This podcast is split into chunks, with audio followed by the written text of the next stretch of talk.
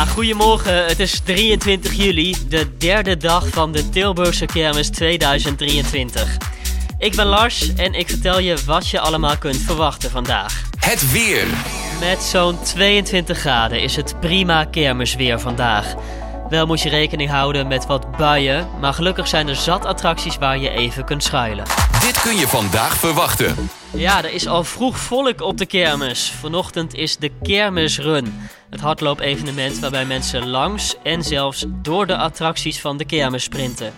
De start is in poppodium 013. Vanaf daar leggen de deelnemers een parcours af van 5 of 10 kilometer. Via Kermis FM hoef je niks te missen. Vanaf 10 uur zenden we de Kermisrun live uit.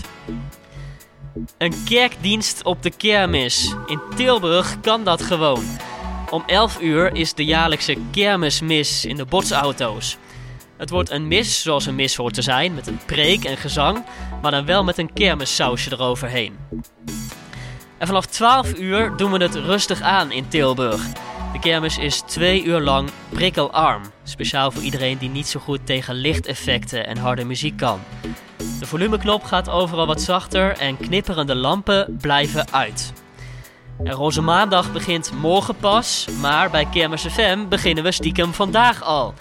Om 11 uur viert Elge van der Wel alvast een gezellig roze feestje tijdens de traditionele valse start. Deze DJ's ga je horen. Ja, dat zijn er best wat. Om 10 uur begint Jeffrey de Wit.